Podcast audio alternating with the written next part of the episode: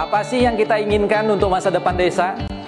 Warga desa yang sehat, pendidikan yang berkualitas, pendapatan yang meningkat dan merata, lingkungan desa yang tetap lestari, desa aman, nyaman, dan damai berkeadilan. Ada dan budaya desa yang terlindungi. Semua itu adalah cita-cita kita bersama melalui SDGs Desa. bergabungan dengan seluruh warga. Melangkah maju, mewujudkan cita-cita bersama. Desa-desa di Indonesia telah menapaki kemajuan. Royong yang tetap terjaga. Fasilitas di desa semakin baik, pendidikan dasar mencukupi. Akan tetap kita tidak boleh lengah, sebab masih banyak tantangan yang menghadapi. Pengangguran pemuda desa Pengangguran harus pemuda diatasi. desa harus diatasi. Penurunan kemiskinan desa. Penurunan kemiskinan harus desa harus cepat lagi. Kebakaran hutan harus Kebakaran hutan harus dihentikan. Kekerasan terhadap perempuan Kekerasan harus terhadap dihilangkan. perempuan harus dihilangkan. Pekerjaan-pekerjaan yang belum usai ini. Ini harus kita tuntaskan. Jadi, mari berdiri, Mari berdiri. Mari berdiri Mari berdiri sebaris, berjajar bergandengan tangan, melukis kuntul baris. mewujudkan cita-cita kita bersama. dan pastikan Tidak ada satupun warga desa yang tertinggal di belakang. Mari membangun Indonesia dimulai dari desa. 18 tujuan untuk mewujudkan desa yang lebih baik.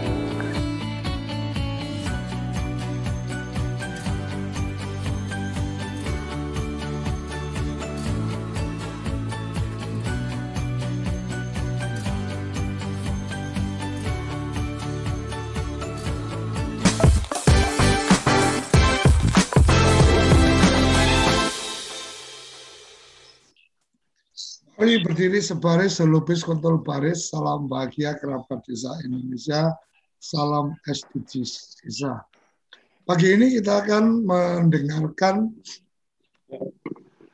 pandangan tentang SDGs desa dari pejabat tertinggi di jadi kalau di desa itu secara apa struktur jabatan karir tertinggi itu sekretaris desa. Kalau di kabupaten atau di provinsi ada sekda gitu kan. Nah, kita pengen dengar nih apa pandangan dari seorang carik tentang SDGs desa. Bagaimana sih SDGs desa di mata seorang carik? Apakah uh, sudah benar perlu ada SDGs desa? Atau sebenarnya SDGs desa itu sesuatu yang terasa membebani atau sesuatu yang sebenarnya nggak perlu-perlu amat dan seterusnya. Uh, sudah hadir di sini ada Mas Carik Selamat, Mas Carik Sugeng, ada Mas Nano, Mas Nano sama Mbak sama Neng Nina ini saya belum ini. Mas Nano ki sekdes apa cari apa perangkat nah, nanti kita kita dengar langsung. Monggo Mas Selamat kita berikan kesempatan untuk memberikan pandangannya dan uh, sudah hadir juga Prof Yoyon yang nanti mungkin akan memberikan apa uh, pandangan-pandangannya sambil kita menunggu uh, Gus Ivanovic untuk bisa bergabung pagi ini. Sugeng Enjang, Mas Selamat. Ya, selamat pagi Sugeng Enjang, Uh, Pak Suryo, Assalamualaikum warahmatullahi wabarakatuh. Selamat pagi uh, Gus Koco, Gus Ivan, dan uh, Prof. Yoyon, dan kerabat desa semuanya di Indonesia. Uh, selamat pagi juga untuk rekan-rekan cari di Kabupaten Banyumas dan di seluruh Indonesia. Uh, terkait dengan apa yang tadi disampaikan terkait dengan SDGs desa. Ya. Ini sesuatu hal yang sangat baru, Pak Koco. Ya. Jadi eh, kami eh, selaku cari atau sekdes di desa itu mengenal SDGs desa pertama kali itu dari Permendagri nomor 13 tahun 2020 tentang prioritas penggunaan dana desa. pada saat itu muncul di benak kami apa maning, apa lagi, apa maning ke SDGs desa kan seperti itu. Maning ya. Panganan opo ki. Apa ini SDGs desa? Jadi eh, kami kira SDGs desa dari awal itu adalah sebuah program dari pemerintah pusat yang nantinya akan membebani eh, kepada perangkat desa, kepada eh, kepala desa, perangkat desa. Eh, namun setelah kami mengikuti perbincangan, mengikuti diskusi, mengikuti sarapan SDGs desa bersama TV desa yang sampai hari ini kalau tidak salah sudah sampai ke episode 20 apa? 24. Ini eh, pandangan saya sedikit mulai berubah. Apa yang disampaikan oleh Gus Ivan itu mulai membuka pemahaman saya terhadap apa sih itu SDGs desa. Nah, kalau hal yang saya pahami itu tidak keliru ya dari apa yang yang disampaikan oleh Gus Ivan itu bahwa SDGs itu hanya sebuah alat ukur, hanya sebuah barometer untuk uh, bagaimana merencanakan sebuah kegiatan uh, pelaksanaan kegiatan pembangunan di desa agar lebih terarah dan agar lebih terukur hmm. supaya uh, nanti jelas ending dari pembangunan itu jelas. Sebetulnya untuk desa, ya, untuk desa sebetulnya juga kalau mengikuti dengan aturan yang ada, selama ini uh, semenjak adanya dana desa, berarti sekitar tahun eh, tahun 2015 kalau tidak salah, Eh, kita di desa punya pedoman pembangunan yang namanya RPJM. Hmm. RPJM itu dibuat oleh tim tentunya juga uh, dengan uh, mendata awalnya juga pendataan pendataan apa yang diperlukan oleh desa untuk jangka waktu lima tahun ke depan. Nah, setelah mendapatkan data, maka tim akan membuat prioritas prioritas kegiatan yang akan eh, yang akan dilakukan setiap tahun yang diejawantahkan dengan RKP desa. Yang RKP desa itu adalah pengejawantahan dari RPJM setiap tahun. Tahun ini, tahun berikutnya. Nah, namun uh, jujur untuk uh, menentukan prioritas prioritas kegiatan pembangunan di desa melalui RPJM dan melalui RKP itu masih sangat kental dengan uh, yang namanya kepentingan politik. Nah, kalau di desa itu masih sangat kental dengan mencalonkan diri sebagai kepala desa, tentu punya janji-janji politik dengan uh, warga masyarakat. Nah, itu juga sangat mempengaruhi warna daripada RPJM, sangat mempengaruhi warna daripada RKPDes. Nah, kalau tidak saya saya tidak keliru dengan apa yang pemahaman saya tidak keliru dengan apa yang disampaikan oleh Gus Ivan dari Kemendes bahwa nantinya SDGs desa itu memberikan rekomendasi. Nah, ini yang cukup menarik dan sangat menarik bagi saya. Kenapa? Karena ini nanti akan sangat membantu tugas carik, tugas sekretaris desa yang notabene-nya adalah sebagai ketua tim RPJM, sebagai ketua tim RKP. Nah, kalau yang disampaikan Gus Ivan kemarin dari data yang sudah dilakukan oleh desa melalui sebuah aplikasi, maka muncul rekomendasi. oh desa harus A, desa bagusnya ini karena ini jadi prioritas. Nah, kalau menurut pandangan saya eh, yang awalnya dulu ah ini ini seolah-olah adalah eh, apa itu bentuk campur tangan pemerintah pusat terhadap pemerintah desa. Nanti kalau seperti ini kebebasan desa, inovasi desa tidak akan bisa berkembang karena selalu disetir oleh pemerintah pusat. Tapi dengan pemahaman kemarin ternyata tidak. Jadi ternyata eh, tetap kekuasaan untuk menentukan arah pembangunan, menentukan kebijakan itu ada pada musyawarah desa. Nah,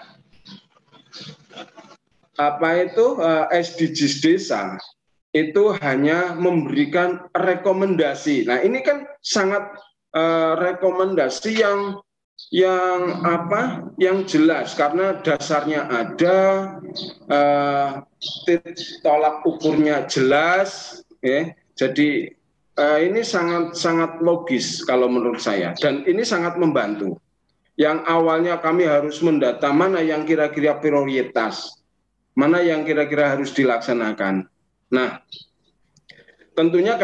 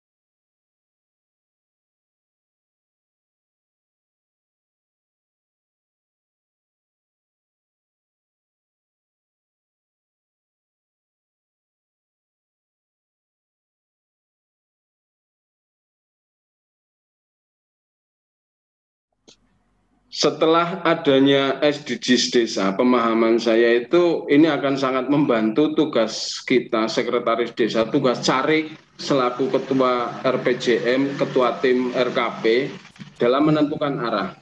Tentunya nanti ini juga harus kita kolaborasikan, harus kita kolaborasikan dengan uh, kepentingan politik, karena kita tidak tidak mungkin untuk menghilangkan kepentingan politik karena di situ ada janji kepala desa yang harus dilaksanakan. Tinggal mungkin bagaimana kita e, mensinergikan antara e, apa yang menjadi janji politik e, seorang kepala desa e, ke dalam sebuah SDGs desa. Nah, itu pandangan kami terhadap e, SDGs. Terus apa yang sudah dilakukan oleh pemerintah desa? Sebetulnya mulai dari adanya dana desa sampai dengan tahun ini itu juga eh, tanpa ada SDGs desa kita juga sudah melaksanakan.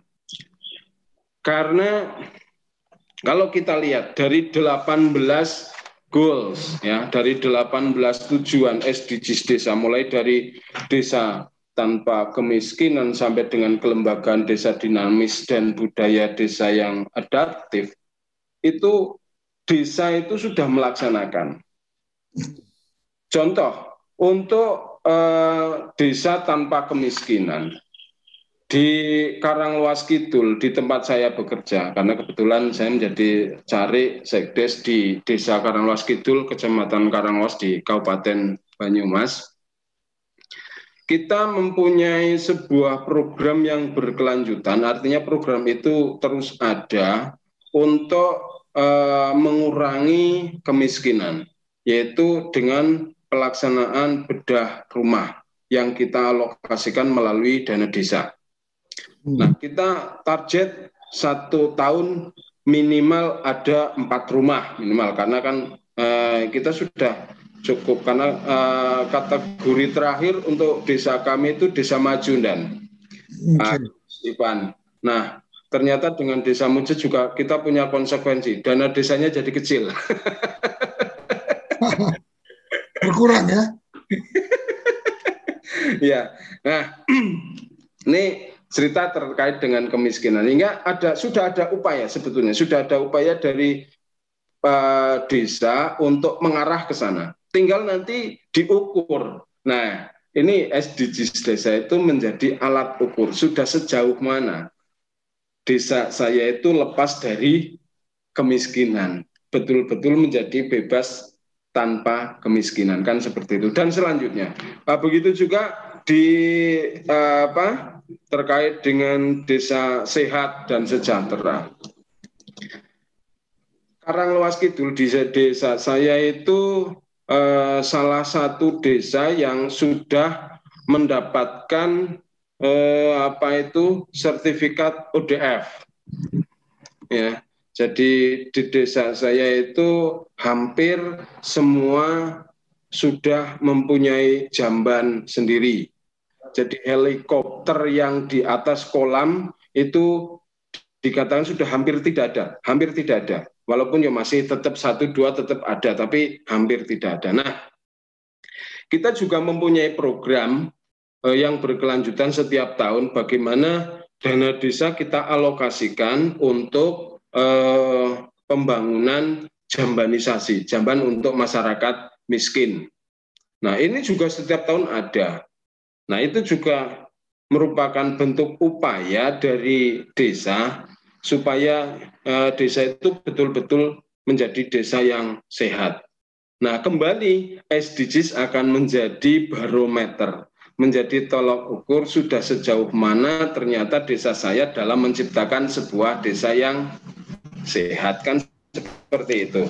Jadi eh, selama ini mungkin uh, pemahaman teman-teman sesuai dengan apa yang kemarin disampaikan oleh Bu Agnes yang dari ITS, okay, yang dari ITS, bahwa dalam pelaksanaan SDGs itu mestinya memang tidak serta-merta langsung bisa dilaksanakan.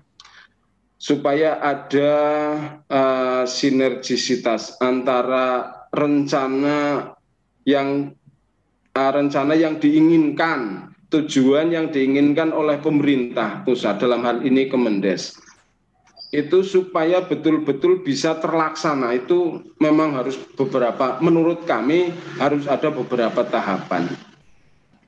Karena yaitu tadi dari gambaran saya saja mulai dari awal saya tahu tentang SDGs, bagaimana SDGs itu butuh waktu yang cukup lama untuk uh, kalau kemarin bahasanya itu untuk menemu kenali diri begitu ya.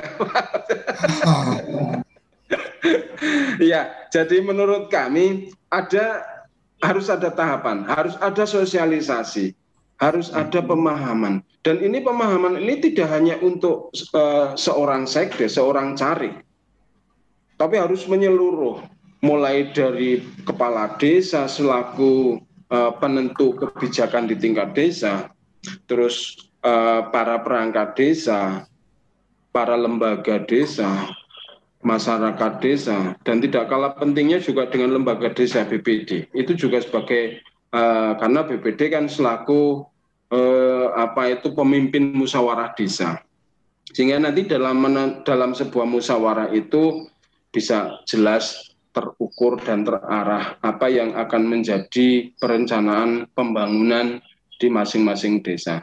Tentunya tetap menggunakan eh, apa itu kearifan lokal karena di sini tetap yang dijunjung tinggi kan hasil musyawarah desa kan seperti itu. Jadi tapi pemahaman ini tidak mudah karena menurut beberapa teman eh, pegiat desa juga mungkin karena ketidaktahuan mereka terhadap apa itu SDGs mereka mengira apa yang saya sampaikan di awal, mereka mengira bahwa SDGs desa itu adalah sebuah program titipan pemerintah pusat untuk dilaksanakan oleh pemerintah desa sehingga ini akan membebani kembali menambah beban perangkat desa di dalam melaksanakan kegiatan. Apalagi dengan adanya sekarang apa aturan hukum yang selalu berubah. Ubah tam, beban tambah tambah luar biasa tambah banyak tambah banyak. Apalagi ditambah dengan nanti ada SDGs itu pemikiran mereka yang belum mengerti. Menurut kami jadi ada sebuah tahapan untuk uh, memberikan sosialisasi terhadap teman-teman terhadap teman-teman perangkat desa, kepala desa. Terus kalau kemarin di tahapannya Bu Agnes cukup sudah cukup, cukup cukup cukup bagus ya mulai dari sosialisasi, internalisasi, membangun komitmen, meningkatkan kapasitas SDM, uh, ada keprofesionalan dari pengelola dan terakhir adalah monitoring dan evaluasi. Nah, namun uh, saya kira uh, program SDGs ini tidak harus menunggu sampai semuanya paham, menunggu sampai semuanya mengerti. Ini saya kira uh, ini akan bisa sambil jalan pemahaman sambil berjalan, tapi ini tetap jalan karena saya kira ini sangat sangat membantu. Kalau ini betul-betul dilaksanakan apa yang uh, kemarin apa yang dari kemarin disampaikan oleh Gus Ivan dari Kemendes itu uh, ini akan sangat membantu kami, membantu Sekdes, membantu cari, membantu pemerintah desa di dalam membuat uh, membuat kerangka pembangunan untuk uh, setiap tahun dan mungkin malah nanti menjadi menjadi landasan dalam menentukan kegiatan-kegiatan di RPJM maupun di RKP. Saya kira seperti itu sementara mungkin dari teman-teman yang lain di sini ada Mas Sugeng, beliau juga cari dari Kaliori, ada Mas Nano, ada ada Bunina apa ya? Iya, Bunina itu dari gedung uh, ini juga sekdes. Ini juga sekdes, cari juga. Nah, nanti uh, mungkin dari teman-teman uh, bisa menambahkan atau mungkin punya pandangan yang berbeda karena pandangan kan tidak harus sama. ya sementara seperti itu okay, uh, okay. Pak Koco dan okay. Monggo Mas mungkin Mas uh, kenapa kita meminta Mas Slamet uh, Mas mungkin yang kemudian kita pengen dengar pendapatnya? Karena kan uh, dari beberapa sarapan SDGs ini selalu mengikuti. Jadi kita pengen dengar pandangan apa teman-teman yang selalu mengikuti paling tidak supaya ini memberikan pencerahan kepada yang lain. Dan tidak menutup kemungkinan kita juga akan apa uh, uh, memberikan ruang kepada teman-teman yang lain. Insya Allah ada juga nanti dari hari Jumat kalau tidak salah nanti ada jadwal dari perbekal. Jadi apa kepala desa di uh, Bali nanti pandangannya apa mungkin apa yang sudah dikerjakan terkait dengan SDGs berapa dan seterusnya. Tapi untuk kali ini kita ingin mendengar pandangan tentang SDGs desa itu seperti apa? Uh, untuk desa setidaknya uh, kita dengar dari sekretaris desa atau cari istilah di Jawa karena memang cari ini kan juru tulis dan kemudian menjadi orang yang paling paham secara administratif di tingkat desa. Karena uh, kalau bicara struktural jabatan itu pejabat tertinggi ya ya cari apa perangkat desa apa uh, paling tinggi ya cari uh, apa jabatannya. Monggo masukkan bisa memberikan pandangannya. Baik, uh, terima kasih dan Koco. Selamat pagi semuanya, kerabat desa semuanya. Uh, saya dari salah Mas ini dari 300 Kecamatan Kalibago. ikuti apa yang sudah disampaikan sampai dengan 18 ya apa hari kemarin uh, kita walaupun ada hari yang setidaknya saya bisa demi sedikit untuk dirasa sangat penting bagi kami uh, untuk SDGs desa ini ke depannya karena kalau melihat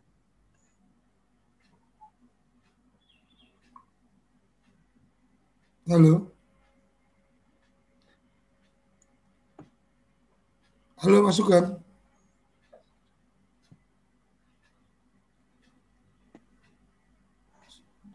Suaranya putus, Mas. Gimana, Pak? Bisa terdengar? Ah, suaranya putus-putus. Diulangi lagi. Uh, keterkait Wah, sinyal ini kayaknya.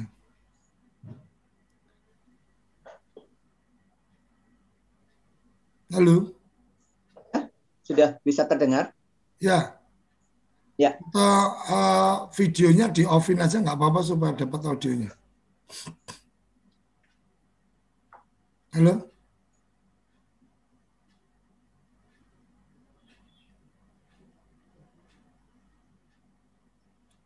Oke, sepertinya ada masalah koneksi kita dengan Mas. Uh, yang saya tangkap dari Mungkin uh, yang lain ada yang ingin menambahkan? Mbak Nina atau Mas Nano? Ada yang ingin ditambahkan?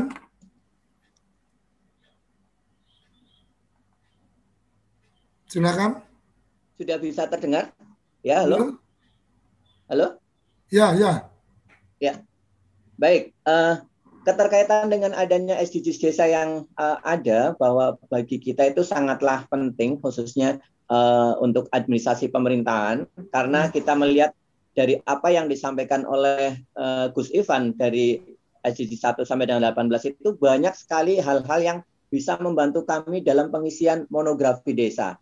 Nah, kita akan sangat terbantu sekali dalam pengisian monografi desa. Misalnya tentang adanya data kemiskinan desa, terus data yang uh, desa yang sejahtera itu yang mengambil data-datanya nanti adalah dari RT-RT yang kemarin konsepnya itu sudah akan dibuatkan oleh uh, oleh Kemendes gitu dalam hal ini uh, Gus Ivan kemarin sudah menyampaikan nanti ada suatu uh, apa ya barometernya atau suatu acuan uh, bagaimana cara nanti agar bisa mengisi SDGs SDGs desa itu. Sehingga dari hal-hal tersebut kita akan dapat lebih mudah untuk uh, membuat monografi yang ada di desa. Kita akan tahu luas lahan di desa dengan uh, benar kita akan tahu uh, di mana wilayah RT yang uh, banyak kemiskinan, yang banyak uh, apa ada penyakit dan sebagainya. Nah, dari situ kita akan uh, bisa untuk lebih uh, membuat administrasi yang uh, lebih baik dan lebih tertib tentunya. Seperti halnya yang disampaikan oleh Pak Slamet tadi bahwa uh, untuk SDGs desa ini uh, sebetulnya sudah banyak yang dilakukan oleh desa. Contohnya yang nomor 9 ini ada infrastruktur dan inovasi desa sesuai kebutuhan. Saat ini dengan adanya dana desa dan uh, yang di situ prioritasnya adalah uh, untuk pengembangan pariwisata, desa-desa sekarang ini saat sudah membuat inovasi tentang pariwisata desa. Yang tadinya tidak ada tempat wisata, hampir semua desa di Kabupaten Banyumas sekarang sudah menumbuhkan tempat pariwisata. Bukan hanya inovasi yang berbentuk pariwisata saja, inovasi-inovasi tentang produk unggulan yang ada di desa itu uh, juga apa sudah bermunculan begitu. Ini ini salah satu bentuk uh, eh, SDGs yang sudah diterapkan. Bahkan di tempat kami di kecamatan kami itu ada salah satu yang dulunya uh, singkong itu uh, seolah-olah tidak dihiraukan gitu. Sekarang itu sudah uh, di apa sudah tumbuh makan makanan yang terbuat dari singkong. Sampai sampai opak saja itu sudah bisa dikirim sampai ke luar Jawa begitu. Ini ini salah satu apa ya inovasi yang timbul atau yang tumbuh di desa uh, dengan uh, adanya bantuan yang uh, dari dana desa itu. Mungkin itu sebagai tambahan kami dan Koco sekiranya okay. uh, itu mudah-mudahan ini uh, untuk SDGs desa kami segera menerima apa panduan-panduannya ataupun yang penjelasan dari Pak Gus Ivan itu karena kita tidak sempat mencatat semuanya gitu. Okay. Mudah-mudahan nanti file atau seperti apa bisa dikirim sehingga kami bisa print out. Begitu dan Koco. Terima kasih semua kerabat okay. desa. Terima kasih Mas Sugeng.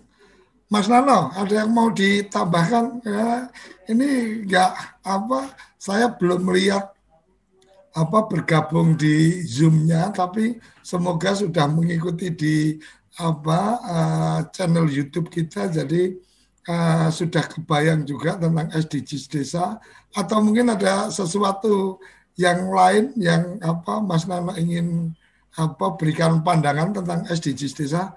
Monggo Pak Sekdes, Pak Cari, Mbah Cari. ya, terima kasih.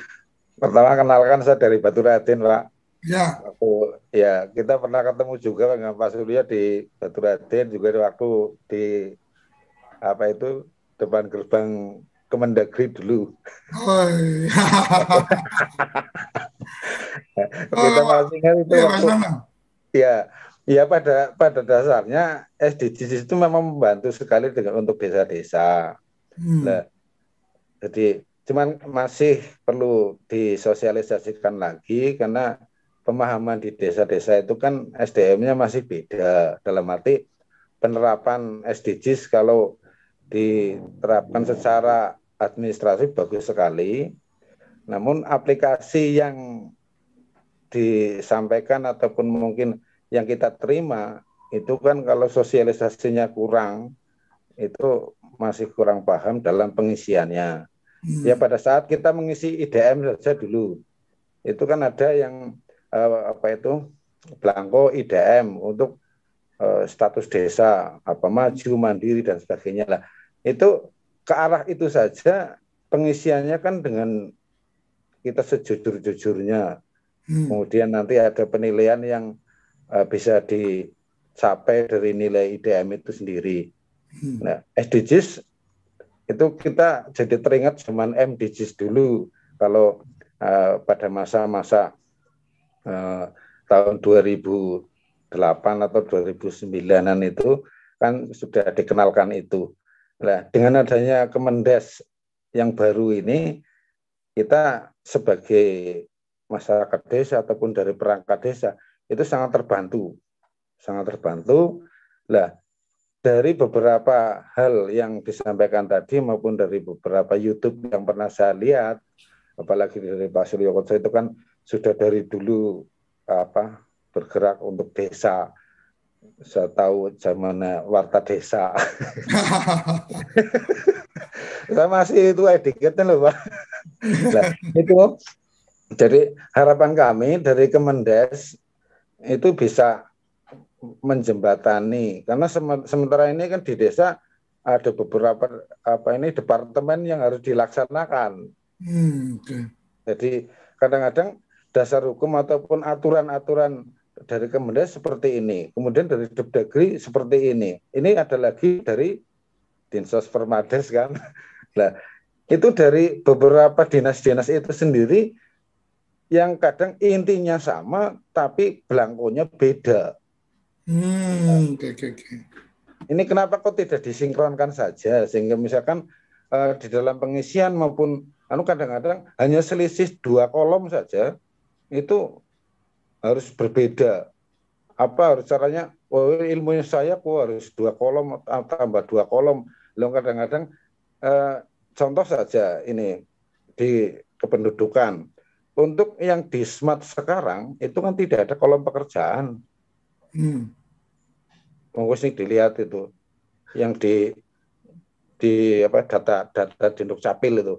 Padahal hmm. kita sudah online, tidak ada kolom pekerjaan. Lah sementara dari Kemendes kemarin itu sudah ada permintaan. Ini kalau data kemiskinan harus ada pekerjaan.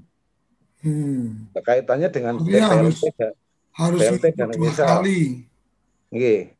BLT hmm. dana desa itu kan gitu. Lah kaitannya dengan data BLT dana desa saja hanya beda satu kolom loh, Pak. Hmm. Beda satu kolom kurang pekerjaan. Itu dipermasalahkan. Lah padahal apa gunanya data induk? Nah, sementara data induknya aja kurang lengkap kolomnya. Hmm. Nah, ini kan berpengaruh.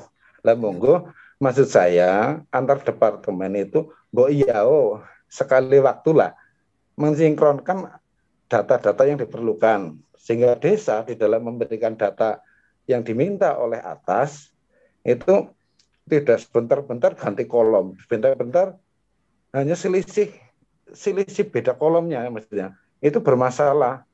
Lah, padahal desa-desa itu ya kalau yang sudah semuanya uh, internetnya on nggak bermasalah. Kalau di alhamdulillah di Banyumas hampir uh, semua desa itu sudah punya wifi, sudah punya pakai internet, ya tidak begitu bermasalah. Tapi ada teman dari dari luar kabupaten pernah ketemu di Batu Raden itu menyampaikan keluhan loh itu di tempat jenengan kalau siang di sini enggak contohnya gitu. Ini perbedaan seperti itu akan berpengaruh terhadap pengisian pengisian hmm. belangko yang diminta. Jadi eh, mungkin mungkin Gus Iswan bisa menyampaikan itu dan juga Pak Suryo menjembatani itu. Nah, maksud kami dengan adanya program namanya edisi kan program. Jadi semua program bagus Pak. Dengan pelaksanaan yang di bawah itu kadang-kadang bagaimana menerimanya itu menerima dan mencerna. Sehingga di dalam kita memberikan data maupun eh, mengkoleksi. Karena dari dulu kan kita sudah ada zamannya apa ada GDM kemudian ada BKM nah semuanya itu proses pemetaan swadaya dan sebagainya. Nah, itu sangat membantu di dalam kita mengisi data termasuk pengisian data SDGs maupun uh, yang ya nun sewu. Uh, gambaran saya itu hampir sama dengan IDM ya. Jadi yang indeks desa maju itu kan hampir sama. Nah, isian-isian itu maksud saya itu sangat membantu di dalam kita membuat program yang seperti dari Pak uh, Selamat Mubarak sampaikan membuat RPJM DES dan sebagainya uh, kita RKP itu kan uh, satu alur hmm. alur ataupun siklus yang harus dilaksanakan oleh desa dan itu sudah sudah apa mengakar lah di desa itu sudah mengakar dan sangat terbantu dengan adanya program-program yang dari Kemendes uh, bahwa ini loh yang perlu dilaksanakan. Nah, ini sangat menuntun, menuntun kami dalam memajukan desa. Ya, ya saya kira itu Pak. Jadi uh, masukannya sedikit saja tentang uh, penyinkronan data. Ya. Jadi harapan kami penyinkronan data, kemudian eh, kriteria yang yang diminta itu harapannya ya minimal agak mirip lah gitu loh. Terima kasih Pak. Oke, matur nuwun Mas Nana. Jadi eh, yang coba saya rangkum adalah tentang SDGs desa, kemudian ada SID yeah. sebagai salah satu apa alat ukurnya untuk kemudian membuat data-data dan ini uh, menurut teman-teman cari atau teman-teman sekdes ini sangat membantu karena memang uh, apa agenda agendanya adalah kemudian adanya uh, kebijakan berbasis data. Jadi iya, kebijakan yeah, berbasis data bukan hanya berbasis pada kepentingan apa politik kepala desa yang mungkin akan akan bisa apa akan bisa dikontrol kalau memang uh, berbasis data. Kemudian catatan kritisnya menurut saya adalah tentang bagaimana mensosialis mensosialisasikan ini iya, dari betul. Siap. kepada iya. kepala desa kepada apa teman-teman uh, perangkat desa, sekdes dan perangkatnya, kemudian juga teman-teman BPD. Kenapa BPD menjadi penting? Karena ketika BPD memahami ini, maka proses musyawarah desa, demokratisasi desa yang kemudian yang punya hak untuk mengadakan musyawarah desa itu BPD, BPD memahami tentang uh, konsepsi dan uh, tentang SDGs desa. Kita akan mendengarkan nanti apa penjelasan atau respon dari Gus Ivan dan juga nanti dari Prof Yoyon. Uh, jangan ke mana-mana, kita akan ikuti yang satu ini, kemudian akan mendengarkan penjelasan dari Gus Ivan dan Prof. Yayan, tetap di Sarapan SDGs Desa. Kamu tinggal di pulau terpencil, pegunungan pinggiran kota, atau daerah di Indonesia yang tidak terjangkau jaringan fiber, ADSL, dan juga 3G. Internetan dengan cepat pasti cuma akan menjadi mimpi mau pakai tol langit, Pakai Desa WiFi, kunjungi www.desawifi.id. Apa sih yang kita inginkan untuk masa depan desa? Warga desa yang sehat, pendidikan yang berkualitas, pendapatan yang meningkat dan merata, lingkungan desa yang tetap lestari, desa aman, nyaman, dan damai berkeadilan. Ada dan budaya desa yang terlindungi. Semua itu adalah cita-cita kita bersama melalui SDGs Desa. Satu, desa tanpa kemiskinan. Dua, desa tanpa kelaparan. Tiga, desa sehat sejahtera. Empat, pendidikan desa berkualitas. Lima, keterlibatan perempuan desa. Desa layak air bersih dan sanitasi. Tujuh, desa berenergi bersih dan terbarukan. Delapan, pertumbuhan ekonomi desa merata. Sembilan, infrastruktur dan inovasi desa sesuai kebutuhan. Sepuluh, desa tanpa kesenjangan. Sebelas, kawasan permukiman desa aman dan nyaman. Dua belas, konsumsi dan produksi desa sadar lingkungan. Tiga belas, desa tanggap perubahan iklim. Empat belas, desa peduli lingkungan laut. Lima belas, desa peduli damai berkeadilan. 17 kemitraan untuk membangun desa. 18 kelembagaan desa dinamis dan budaya desa adaptif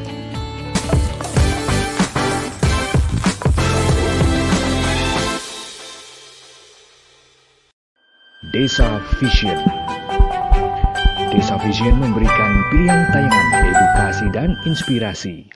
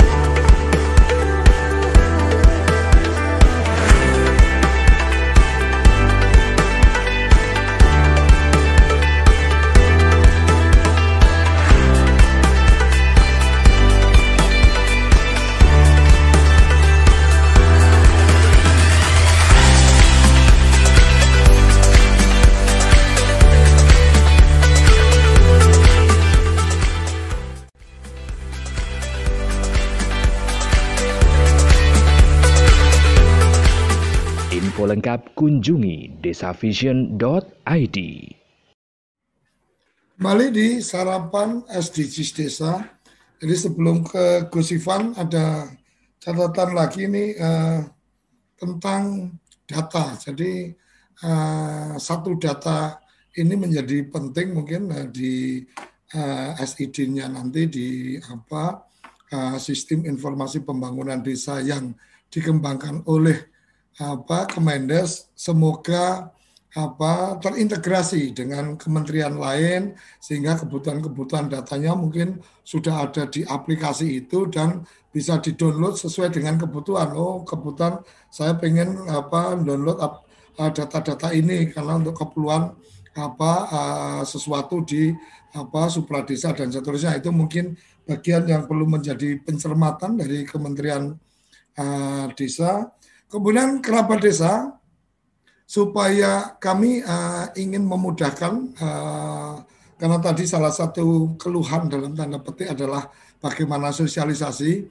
Kami perlu sampaikan bahwa di channel YouTube kami siapkan channel khusus SDGs Desa Jadi uh, kalau di YouTube tinggal ketik aja SDGs Desa, nanti ada logo SDGs Desa seperti yang di sini. Ini uh, itu channel yang kita siapkan yang isinya semua tentang SDGs Desa. Jadi uh, bisa menyaksikan uh, di situ untuk mendapatkan informasi tentang SDGs Desa dan jangan lupa di subscribe supaya ketika ada update tentang SDGs Desa akan mendapatkan informasinya. Uh, supaya nanti langsung tuntas, saya juga perlu menyapa teman-teman yang sudah bergabung di channel YouTube kita. Uh, Kang Pepen, terima kasih ini dari BPD Dwi Raneng. Selamat pagi perangkat desa ini kalau nggak salah. Mbak Eti, uh, peneliti, terima kasih sudah bergabung. Mas Madong, nah ini yang dari Bali, dinas apa di PMD. Uh, memberikan semangat untuk bagaimana teman-teman di desa, terutama perangkat desa, sebagai ujung tombak untuk membangun komitmen bersama menuju desa yang maju, mandiri, sejahtera. Oke, terima kasih. Demokratis tentunya. Mas Taufik uh, Hidayat, SDGs, penekanan uh, kepada desa agar keluar dari permasalahan, tapi desa sendiri masih belum menemukan formula lebih baik dengan bahasa daya ungkit. Uh, ini bagian yang mungkin akan kita apa apa bagian yang menjadi menarik untuk kemudian bicara di SDGs ke-18 tentang bagaimana uh, kelembagaan desa yang dinamis.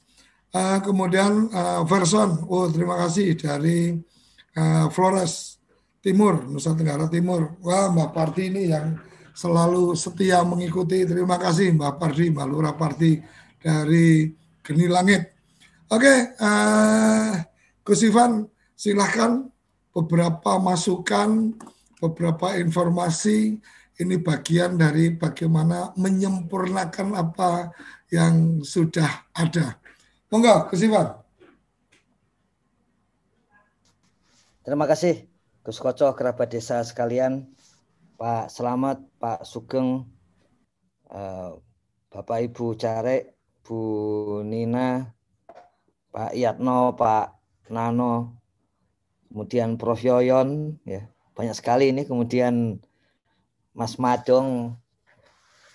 Jadi saya kira terima kasih kepada para care ini. Jadi kalau di masa lalu itu asumsinya kalau kita menerima sesuatu itu, menerima informasi itu pasif ya. Tapi sekarang kita sudah tahu sebetulnya sejak tahun 80-an itu.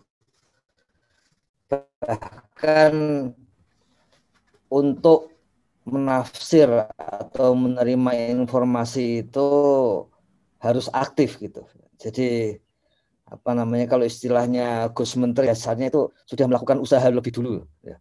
Karena kalau yang nggak mau yang nggak menerima informasi tentu saja nggak ada usaha sebelumnya. Jadi apa pun penafsirannya itu adalah hasil usaha dan menghubungkan antara pengalaman hidup selama ini dengan informasi yang baru itu. Saya kira itu yang yang menarik dan tadi proses yang disampaikan oleh uh, Mas Slamet itu tentang bagaimana uh, informasi itu diterima dengan refleksi yang kemudian berbeda itu itu yang dimaksud dengan Bu Agnes kemarin tuh. Jadi artinya kami jadi bisa mengetahui juga pada awalnya apa saja kalau istilahnya Mas Ari beberapa minggu yang lalu apa saja argumen gitu dari perangkat desa dan kepala desa di awal sehingga untuk menyampaikan informasi itu bisa lebih tepat lagi gitu ya.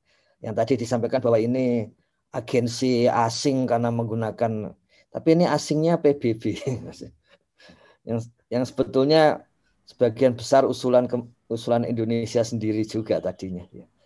Tapi itu apa namanya sangat membantu untuk kemudian melakukan uh, kegiatan lebih lanjut. Kemudian apa kegunaan-kegunaan ya tafsir-tafsir tentang SDGs desa tadi bahwa sebetulnya desa sudah melakukan ya. itu memang tafsir pertama itu dan itu benar itu saya kira bahwa ini adalah persoalan bagaimana mencatat. Kalau istilah istilah kami mencatat karena kalau menilai itu eh, bagi sebagian perangkat itu seakan-akan lo kok menilai ini kan urusan desa sendiri ya seperti yang sampaikan Pak Care uh, selamat dari awal itu. Sangat sensitif ya sangat sensi.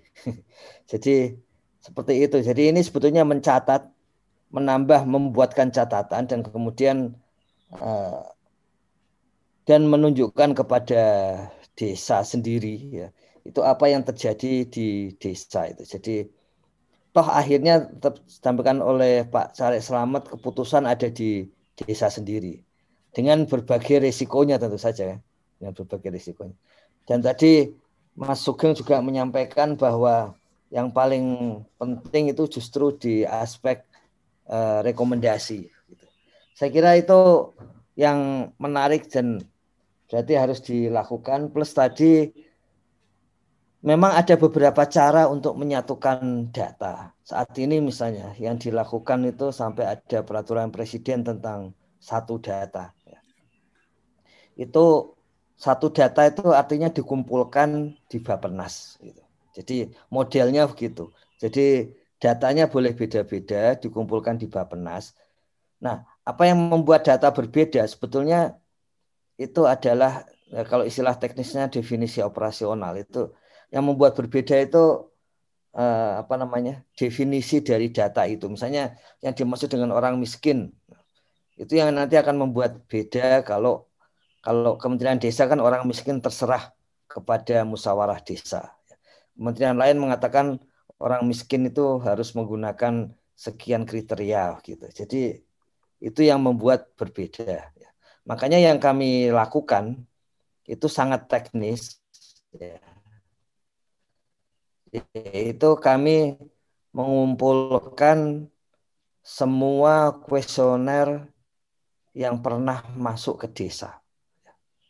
Mengumpulkan semua kuesioner disampaikan juga oleh Pak Narno tadi bahwa ada kolom yang cuman beda satu ya ada kolom yang beda dua gitu seperti itu dan itu memang benar terjadi sejak sejak dulu jadi secara teknis yang kami lakukan adalah mengumpulkan semua kuesioner tentang desa ya. ada yang mengatakan wah nanti kan jadi banyak itu ya itu kalau kita nggak mempelajari kuesionernya kalau kita pelajari semua kuesioner tentang desa ketika disatukan ternyata juga tidak banyak. Jadi yang sinyalemen Carek Nano tadi memang benar, cuman beda-beda dikit sebetulnya gitu. Jadi instrumen SDGs desa itu adalah instrumen kuesioner yang paling lengkap sampai saat ini tentang desa itu. Dan artinya apa? Yang tadi uh, disampaikan oleh uh, Gus Koco supaya bisa di-download sesuai kebutuhan ya dan downloadnya yang yang uh, mudah oleh desa bisa di-download dalam bentuk Excel gitu, jangan sampai di-download yang sulit-sulit gitu. Nah itu di-download sesuai dengan kolom atau sesuai data yang dibutuhkan itu. Dan itu hampir pasti ada, kecuali nanti tiba-tiba ada yang ada pihak yang punya kuesioner yang benar-benar baru itu, baru kita mungkin akan berbeda gitu. Makanya ini satu kali input dipakai untuk semua. Gitu. Jadi apa namanya? Seperti tadi disampaikan ini ibaratnya dari Pak Nano ini sebetulnya sama dengan IDM. Iya, ya. Cuman dari awal kita sama-sama ketahui IDM itu data level desa. Ya. Dan sejauh sejauh sekarang itu data ada di 2020 data yang paling bagus di IDM itu memang data pengukur indeks desa membangun. Itu yang betul-betul dilihat. Padahal di situ ada banyak data lain. Itu semula adalah kumpulan kuesioner pada level desa juga. Tapi tidak level RT dan level keluarga. Itu dulu dikumpulkan dari kuesioner level desa. Sehingga mau menghitung IDM, mau menghitung IPD, mau menghitung indeks kesulitan geografis, pokoknya semua hitungan-hitungan level desa sebetulnya bisa pakai data itu. Hanya kemarin yang dikeluarkan memang hanya IDM, tapi sebetulnya di pusat sendiri di Kemendes itu, itu kita menghitung IPD dari data itu. Kita juga menghitung indeks kesulitan geografis dari data itu. Nah, karena selama ini penghitungannya level desa. Nah, kalau di SDGs desa itu penghitungannya sampai ke level individu. Nah, sudah belajar juga dari Pak Zudan dan kita sudah sama-sama ketahui isinya gitu. Makanya kita tahu bahwa ini akan lebih ya tentu saja akan lebih lengkap dari dari Admindu karena memang sambil menggabung data-data sensus penduduk dan sebagainya yang yang selama ini ada gitu. Jadi harapannya tadi yang disampaikan kepada uh, apa namanya disampaikan oleh Mas Sugeng itu yang paling utama Gus Koco kerabat desa sekalian. Ya. Yang penting data itu kemudian dipakai untuk apa gitu. Jadi bukan sekedar data dipakai untuk indek-indekan karena kalau kalau Gus Menteri Guyon itu ini kok Kementerian Indek gitu karena setiap setiap apa unit kerja eselon 1 itu punya indeks sendiri. Ada indeks transmigrasi, indeks daerah tertinggal masing-masing punya. Nah, nanti semua di kementerian juga disatukan itu. Tidak lagi ada indeks-indeks macam-macam tapi hanya satu jenis indeks begitu. Dan ini hmm. dan tidak ada gunanya indeks juga, tetap gunanya itu adalah rekomendasi ya. Dan rekomendasinya itu sudah sesuai yang disampaikan Gus Menteri mikro. Mikro itu artinya ya harus sampai merujuk ke orang gitu. Jangan sampai apa namanya seperti tadi disebutkan program kemiskinan programnya itu rata-rata satu orang miskin dapat 400 juta, tapi realnya yang diterima orang miskin kan cuma beberapa juta saja setahun gitu. Jadi tidak itu. Tadi juga sama yang disampaikan oleh Mas oleh Care Selamat itu. Ada baiknya memang mencermati bagaimana pembentuk indeks. Karena itu istilahnya the devil is on the detail gitu ya. Setannya itu ada di situ gitu. Jadi bukan karena mandiri kemudian dana desanya berkurang ya itu bukan karena mandirinya pak. Ya. Dana saya berkurang itu pasti karena orang miskinnya berkurang gitu. Jadi karena komponen terbesar dana itu adalah pembaginya itu keluarga miskin. Jadi kalau kalau di desa itu keluar itu tidak hanya di Jawa itu, tapi di luar Jawa di NTT kalau kalau keluarga miskinnya itu menurut DTKS menurut Kemensos sedikit ya dana desanya sedikit. Dan ini sudah terbukti uh, juga. Ini setiap kali ada, ada perbaikan.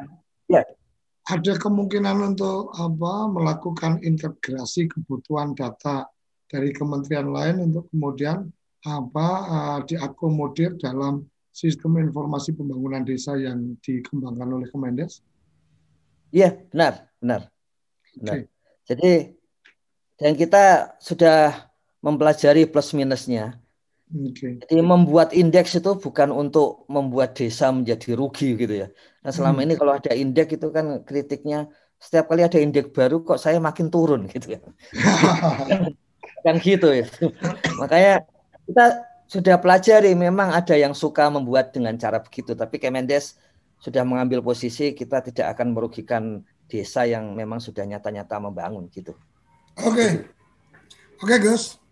Uh, Terima kasih banyak ini insight-nya. Ya. Terima kasih. Ini kita apa closingnya ini dari apa dari pegawainya ini. Prof Yayan meli, mendengar cari-cari berbicara, kemudian apa mendengar pemerintah tertinggi juga apa berbicara. Ini Prof Yayan melihat seperti apa ini Prof? Ada fenomena apa ini? SDGs desa harus bagaimana supaya benar-benar running well ke depan dan memang benar-benar mampu menjadi alat uh, mempercepat proses kemandirian desa-desa di Indonesia. Silakan Prof. Ya, makasih. Saya meneruskan Gus Ivan tadi dan uh, beberapa yang sudah dijelaskan terlebih dahulu dalam episode 1 dan uh, sampai dengan 18 itu. Yang pertama bahwa SDGs desa itu satu konsep bagaimana membangun berkelanjutan di berbagai level, ya hmm. internasional, nasional, regional, dan terbawah itu desa. Nah, Kemen Desa itu ya akan eh, menerapkan SDGs desa itu untuk berbagai macam kepentingan. Ya, satu ya eh, melihat data yang ada di desa. Oleh karena itu perlu pengukuran ya bagaimana melihat data di desa itu.